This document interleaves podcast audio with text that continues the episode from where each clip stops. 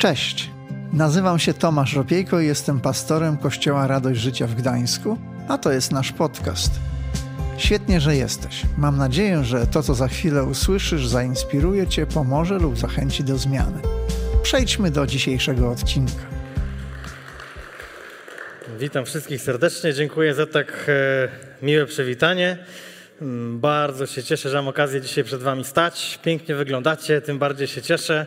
W ten majówkowy e, weekend to zawsze dla mnie wielki przywilej, żeby stać przed Wami i dzielić się tym, co jest w moim sercu. Dzisiaj e, szczególny weekend, majówkowy weekend. Ktoś z Was ma jakieś plany na majówkę?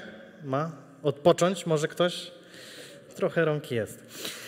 W kwietniu i maju wspólnie czytamy i rozważamy list do Kolosan. Jesteśmy, tak jak już słyszeliśmy, w serii kazań pod tytułem Tektonika Serc. I przez dwa ostatnie tygodnie czytaliśmy wspólnie pierwszy rozdział listu do Kolosan. Pojawiły się dwa tytuły. Pierwszy z nich brzmiał Tam, gdzie panuje światło i mówiliśmy o nadziei, którą mamy w Chrystusie. E, Tydzień temu mieliśmy tutaj na Śródmieściu gościa, który dzielił się e, słowem na temat doniosłości Chrystusa w tytule Więcej niż cieśla, a dzisiaj mierzymy się z kolejnym tematem, z kolejnym tytułem, bez limitu. Bez limitu. Będziemy się wspierać e, drugim rozdziałem listu do Kolosan. Za chwilę dłuższy fragment przeczytamy, ale mam do Was pytanie i oczekuję odpowiedzi. Jak słyszycie hasło bez limitu, to z czym wam się kojarzy? Nielimitowane rozmowy. Okej. Okay. Bez ograniczeń. Ostatnio byłem y, podpisywać umowę na nową ofertę y, na telefon. Pojawiła się taka informacja, będzie pan miał internet bez limitu. Nigdy w swoim życiu chyba nie wykorzystałem limitu, który miałem wcześniej, ale i tak buzia się cieszy. Bez limitu. Rozmowy i SMS-y, to już chyba dzisiaj każdy, każdy ma bez limitu. Albo w Pizzy Hut robią taką akcję. Jesz ile chcesz, płacisz raz i jesz ile chcesz. To jest niebezpieczna akcja, ale nie ma limitu. Nigdy nie brałem udziału, może kiedyś.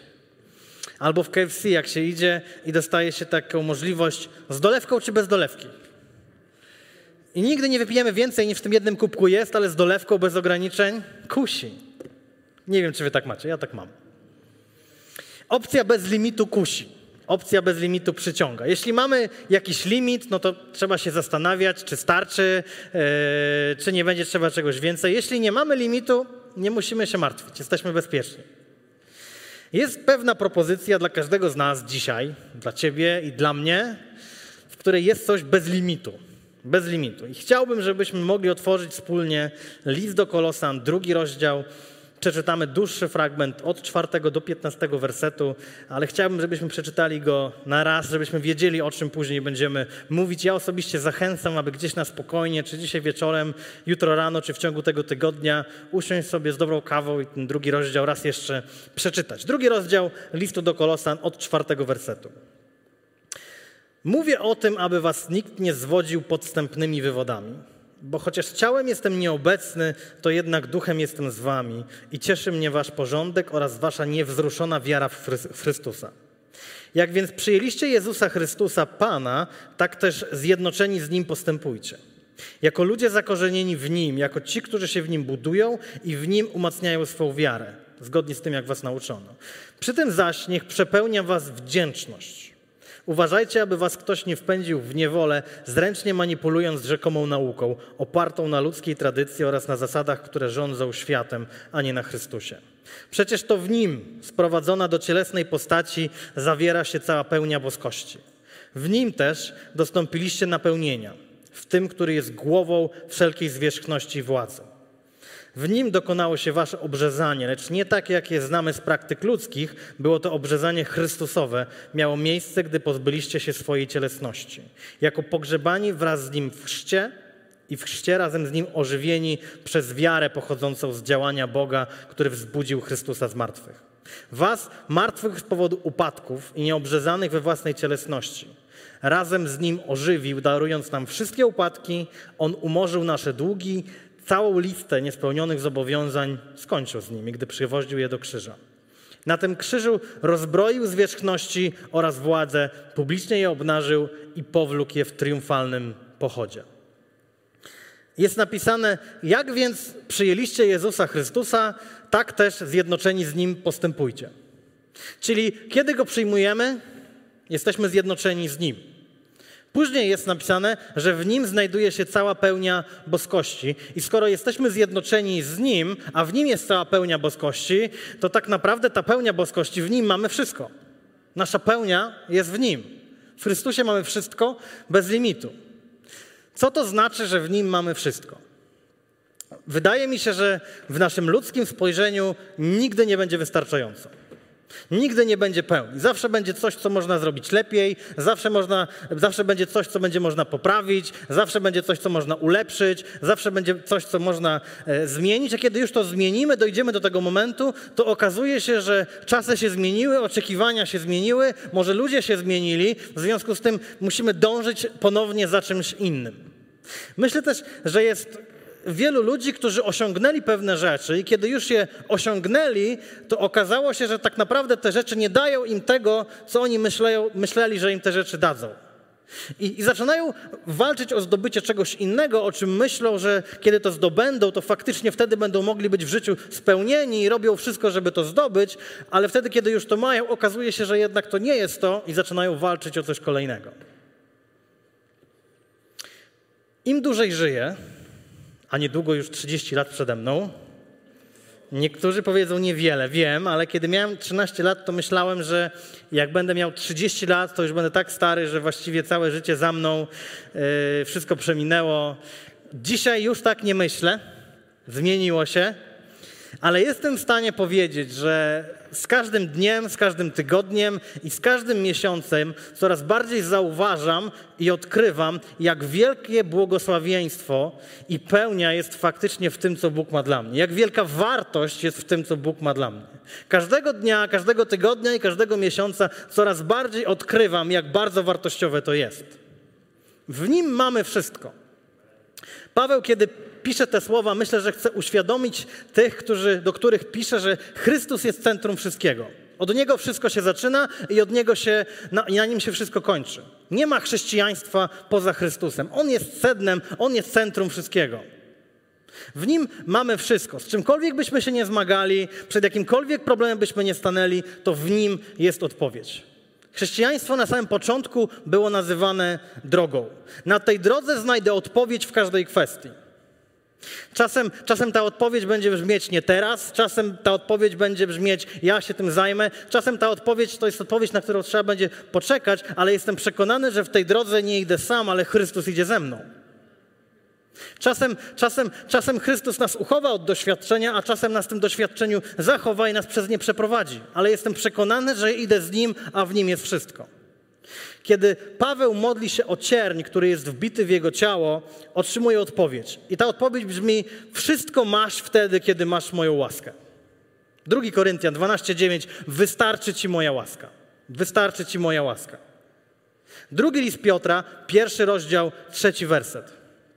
Jego boska moc obdarzyła nas wszystkim, co jest potrzebne do życia i pobożności. Jego boska moc obdarzyła nas wszystkim, co jest potrzebne do życia i pobożności.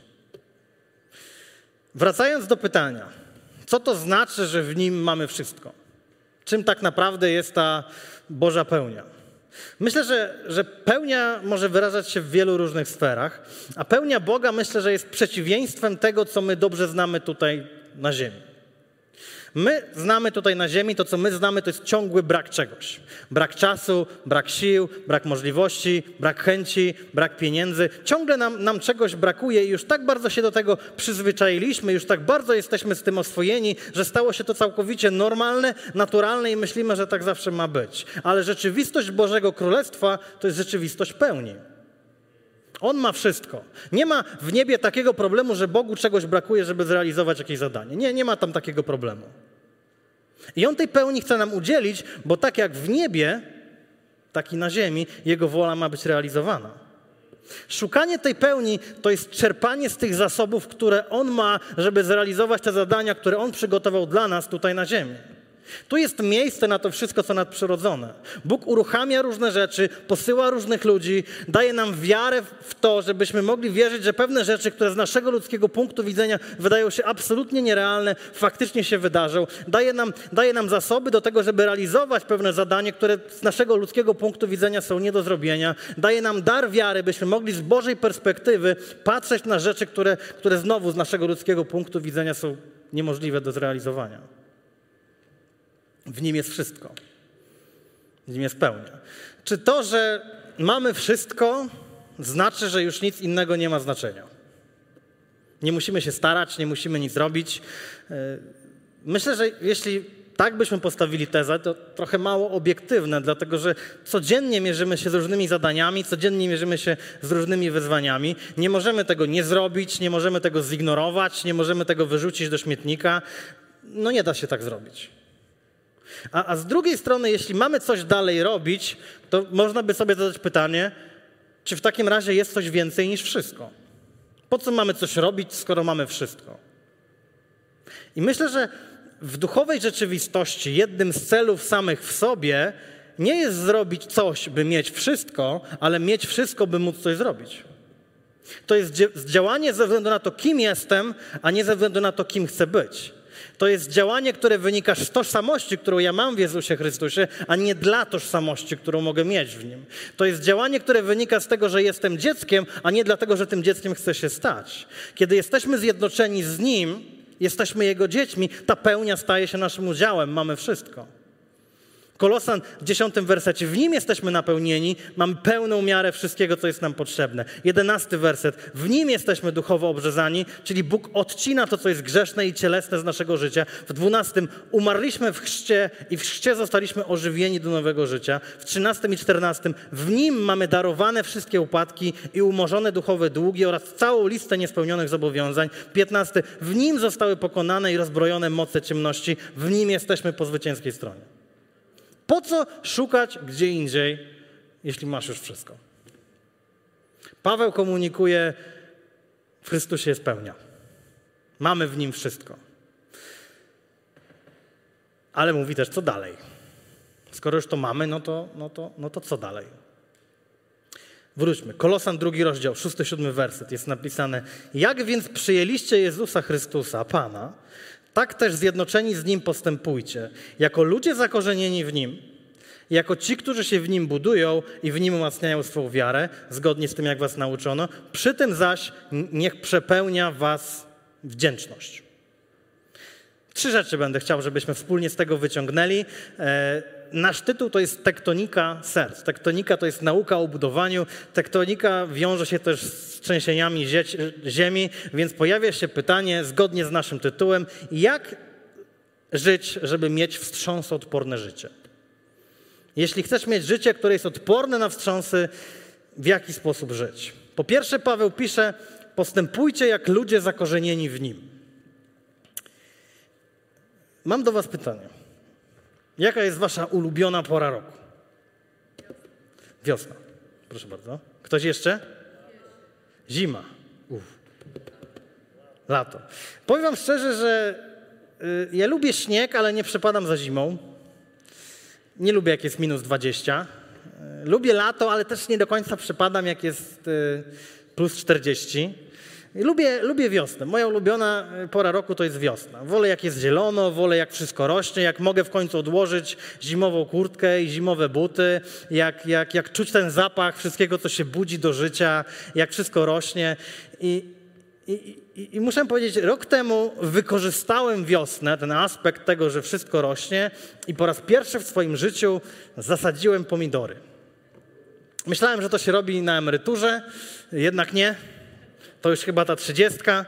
Kupiłem doniczki, kupiłem y, ziemię, dostałem takie małe roślinki i zasadziłem.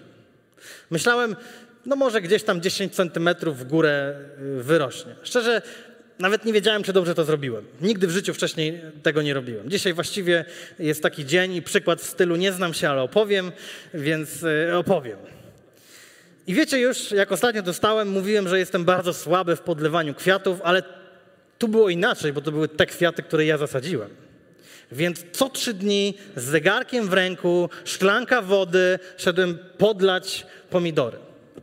I codziennie przez szybę kilka razy podchodziłem do szyby patrzeć, czy może coś się zmieniło. Kolejny kwiatek jest. I myślałem, że jak zasadzę pomidory, to dzieci będą się cieszyć, kiedy coś wyrośnie. Ale jak wyrósł pierwszy pomidor, to nie do końca mam pewność, kto cieszył się bardziej. Czy te dzieci, czy jednak ja. Wiecie, dla nich to było oczywiste. Jak zasadzimy pomidory, wyrosną pomidory. Dla mnie to nie było takie oczywiste. Ale kiedy już minęło lato i trzeba było ten, tego pomidora wyjąć, i kiedy go wyjmowałem, to jest oczy, oczywiste, ale okazało się, że jest tam cała masa korzeni, których wcześniej nie było. Wyrosły tak bardzo, że już prawie w ogóle nie mieściły się w tej doniczce. Ale dlatego, że tam były, ten kwiat mógł rosnąć. Dlatego, że, tak, dlatego, że tam były, kiedy był mocny wiatr, ten kwiat mógł ustać. To, czego nikt nie widział, sprawiało, że to, co widzieli wszyscy, mogło rosnąć.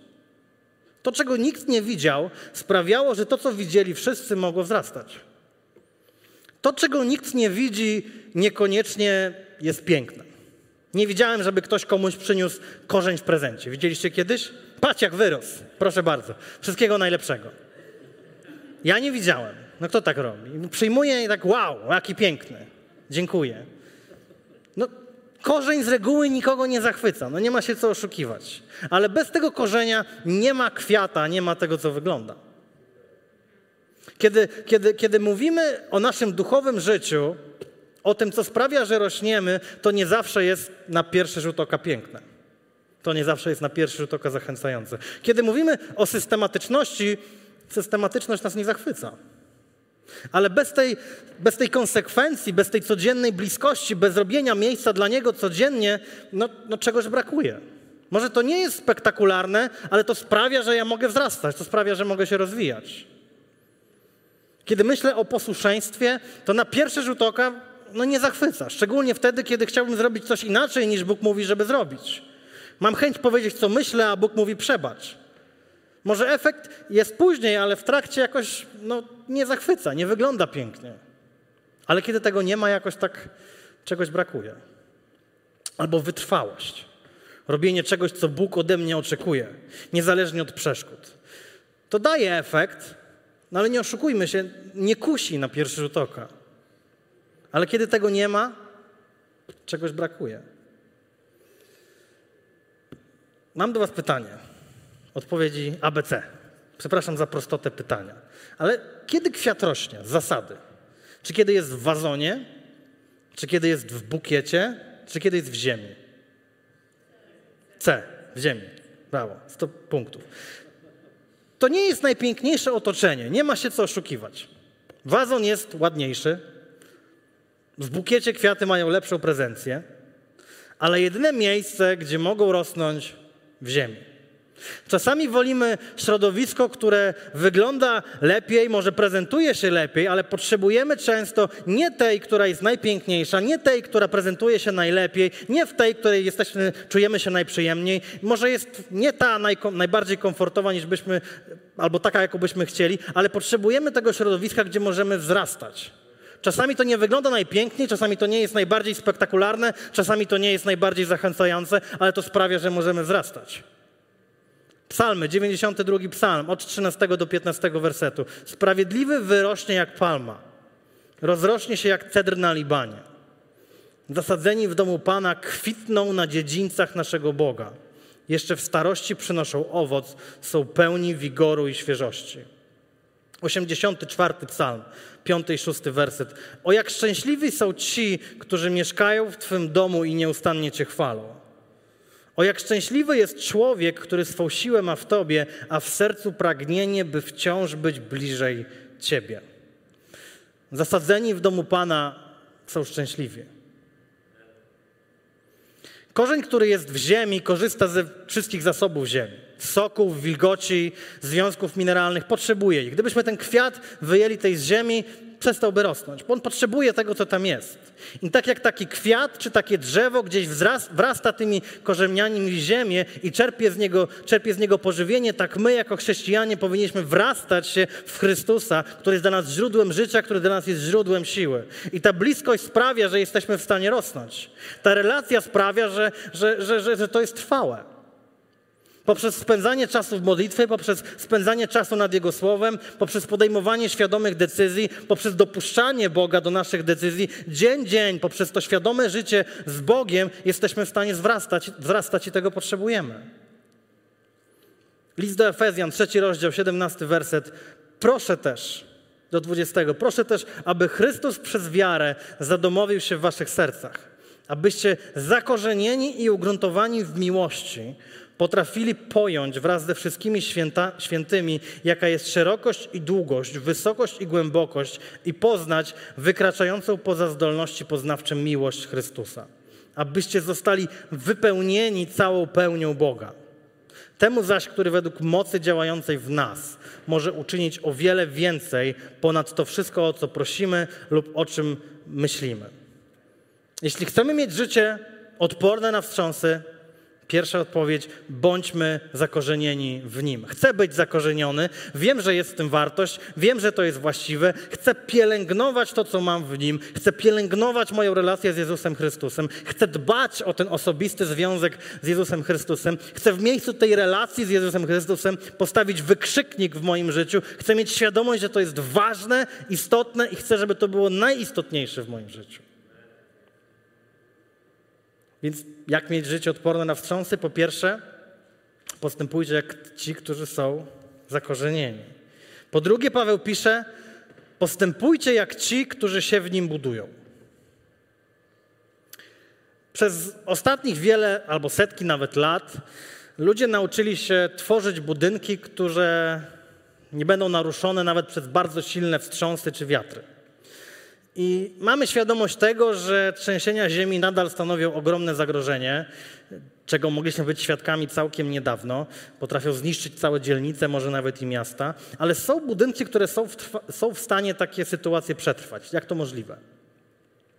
I korzystając ze zwieków doświadczeń, architekci wypracowali metody, które pozwalają wznosić takie budynki, które będą odporne na te wszystkie trząsy wstrząsy. I dla mnie bardzo ciekawym budynkiem jest budynek, który nazywa się Taipei, Taipei 101. To jest budynek, który został wybudowany na Tajwanie i do niedawna jeszcze to był najwyższy budynek na świecie. 509 metrów. Ale wyróżnia się czymś jeszcze. To jest budynek, który został wzniesiony na obszarze, który jest aktywny sejsmicznie. Jak oni do tego podeszli? Jakie znaleźli rozwiązanie? W budynku Taipei 101 został zamontowany dynamiczny eliminator drgań.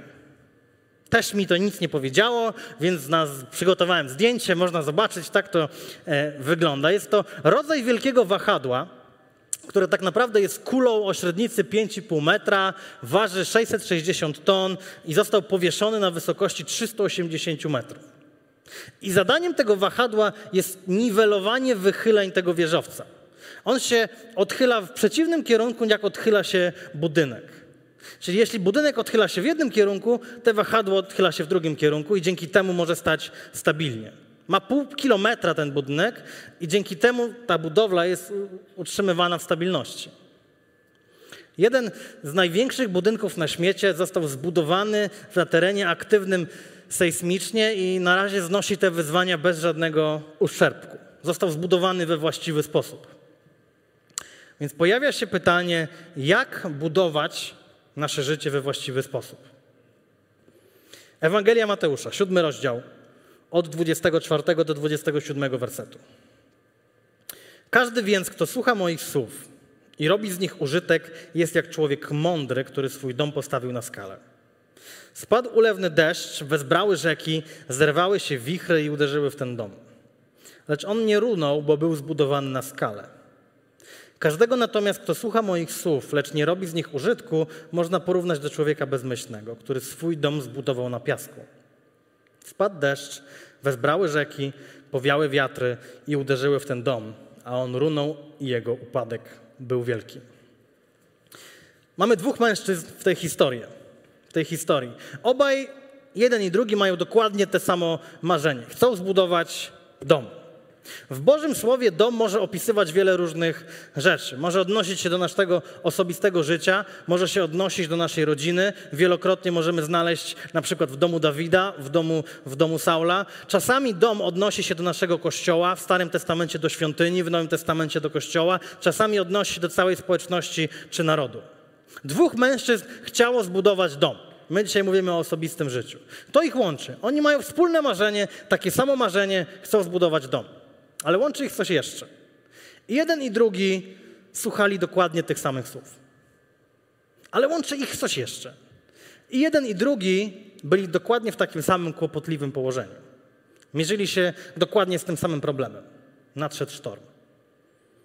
Sztorm w Biblii oznacza próbę, oznacza przeciwności, oznacza jakieś, jakieś problemy. Rzeczy, których może niekoniecznie chcemy w naszym życiu. I jeden i drugi mierzą się ze sztormem. Jest ciekawa rzecz związana ze sztormem. Jesteś w miejscu sztormu, czy tego chcesz, czy nie. Nie da się kontrolować sztormu. Kiedy zaczyna nie wystarczy, że powiemy stop. Tak się nie da. To ich łączy. Mają dokładnie to samo marzenie, słuchali dokładnie tych samych słów, znaleźli się dokładnie w tej samej kłopotliwej sytuacji. To samo. Ale jeden z nich jest nazwany człowiekiem mądrym, a drugi z nich jest nazwany człowiekiem bezmyślnym. Mądrość w Biblii nie oznacza tytułu naukowego, czy ilości ukończenia wyższych szkół, czy certyfikatów, które udało się uzyskać, ale w mądrość w Biblii oznacza zdolność i decyzję do stosowania duchowych prawd w naszym życiu.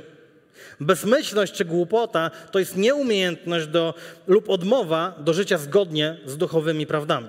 Można być wykształconym jak tylko się da, bogatym jak tylko się da, postawionym wysoko jak tylko i wyłącznie się da, ale nie stosować bożych, duchowych, biblijnych praw w swoim życiu. Jeden z nich nazwany jest mądrym, a drugi z nich nazwany jest bezmyślnym. To ich odróżnia. Można przy okazji wyciągnąć taki wniosek, że i mądry, i bezmyślny mogą mieć marzenie. I mądry i bezmyślny może słuchać Bożego Słowa, i, i mądry i bezmyślny może przechodzić przez sztorm. Nie jest tak, że bezmyślny przechodzi przez to sztorm, a mądry nie. Jeden i drugi przechodzą przez sztorm. Co czyni różnicę? Dlaczego jeden z nich jest nazwany mądrym, a dlaczego drugi z nich jest nazwany bezmyślnym? Dlatego, że jeden z nich buduje dom na skalę, a drugi z nich buduje dom na piasku. Ich fundament jest zupełnie inny. Nie zaczęli w tym samym miejscu. Kiedy, kiedy buduje się dom, zaczyna się od fundamentów, cała reszta stoi na tym fundamencie.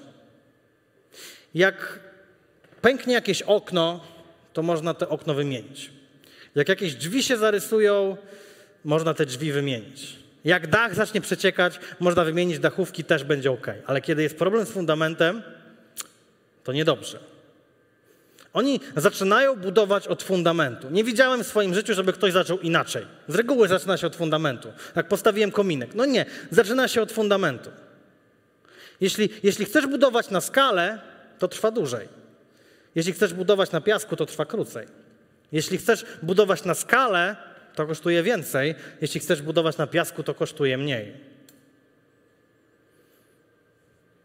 Czasem chcemy oddać Bogu pewne kwestie, ale nie chcemy, żeby postawić wszystko na nim. Nie wystarczy wiedzieć o, postawi- o, o stawianiu fundamentów, ale trzeba to zrobić. Nie wystarczy, albo inaczej, zanim Boże Słowo, zanim Boża perspektywa i zanim Boży autorytet nie staną się podstawą do podejmowania w naszym życiu decyzji i działania, to zostaje dalej tylko i wyłącznie informacja. Musi coś za tą informacją pójść. To jest ta różnica pomiędzy mądrym a bezmyślnym. Musi coś za tą informacją pójść. W budynku, w którym mieszkałem wcześniej niż mieszkam teraz, były światła, które zapalały się na ruch. Jak się wchodził, światło się zapala, wychodzi, gasną. Detektory ruchu dla zaoszczędzenia prądu. Ale tak naprawdę te światła były cały czas. Prąd był cały czas, ale one nie działały cały czas, dlatego że nie było ruchu. Boże Słowo jest prawdą, Bóg ma moc, ale czasami nie widzimy Jego mocy, dlatego że nie ma ruchu w tym posłuszeństwie a propos tego, co On mówi. Sztormy, problemy, przeciwności, one były, są i będą, to się nie zmienia. Nie jesteśmy w stanie nic z tym zrobić, nie jesteśmy w stanie sprawić, żeby ich nie było. Pytanie, na czym budujemy? Czy to jest tylko i wyłącznie informacja, czy to jest działanie? Czy to jest tylko i wyłącznie wiedza, czy może coś z tym robimy? Na jakim fundamencie stoimy, kiedy nadchodzą wstrząsy? Nic nie zapewnia takiej trwałości i to wiecznej, jak Jezus Chrystus, Jego fundament. Jego zasoby są dla nas absolutnie niewyczerpalne, nie ma limitu.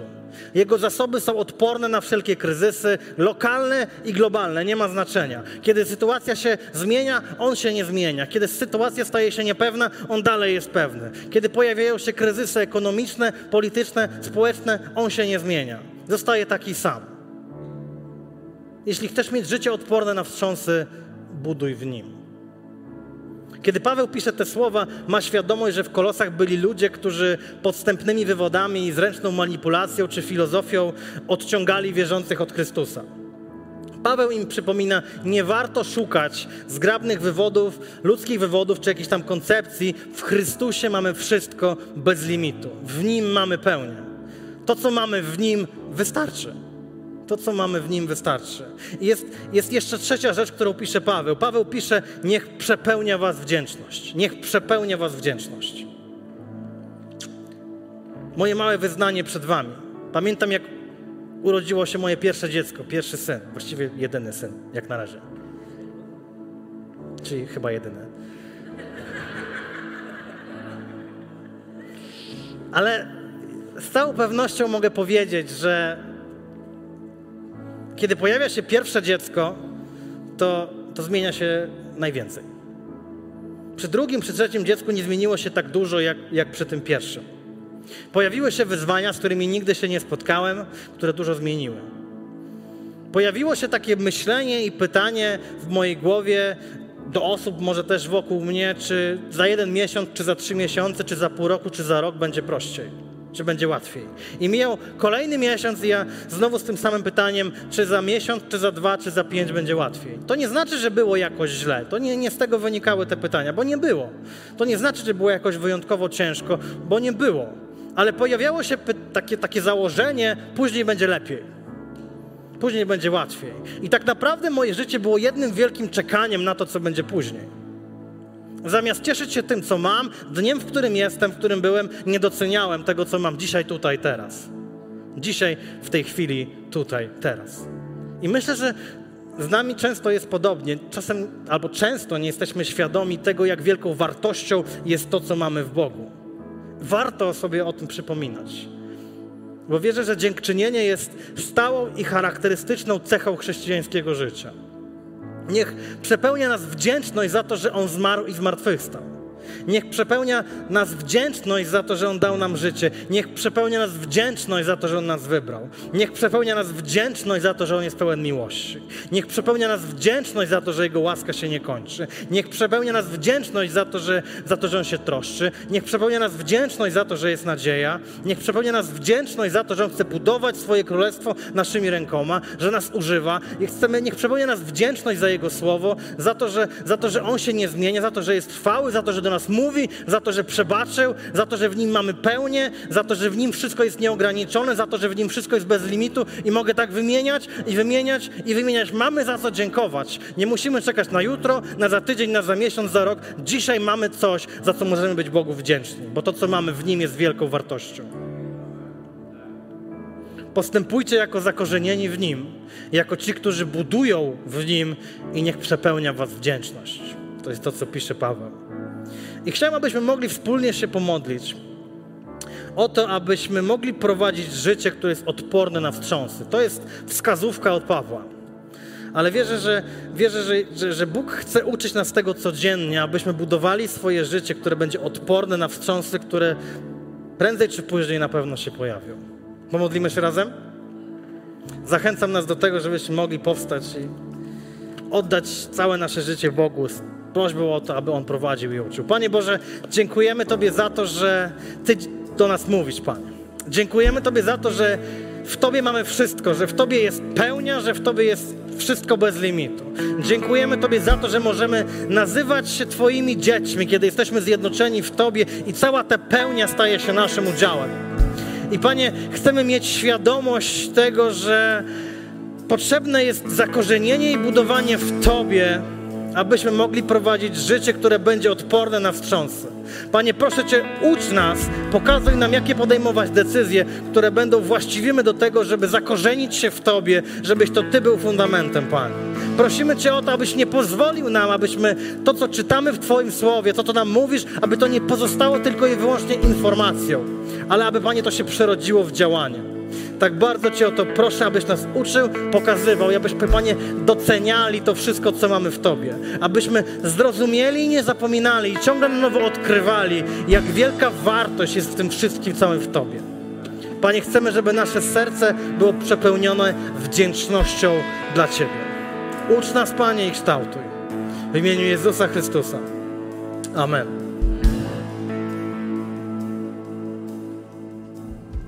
Dzięki, że zostałeś z nami do końca. Pamiętaj, że odcinki pojawiają się w każdy poniedziałek o 18. Jeśli chcesz dowiedzieć się o nas więcej, to wejdź na stronę kazetgdańsk.org. Do usłyszenia.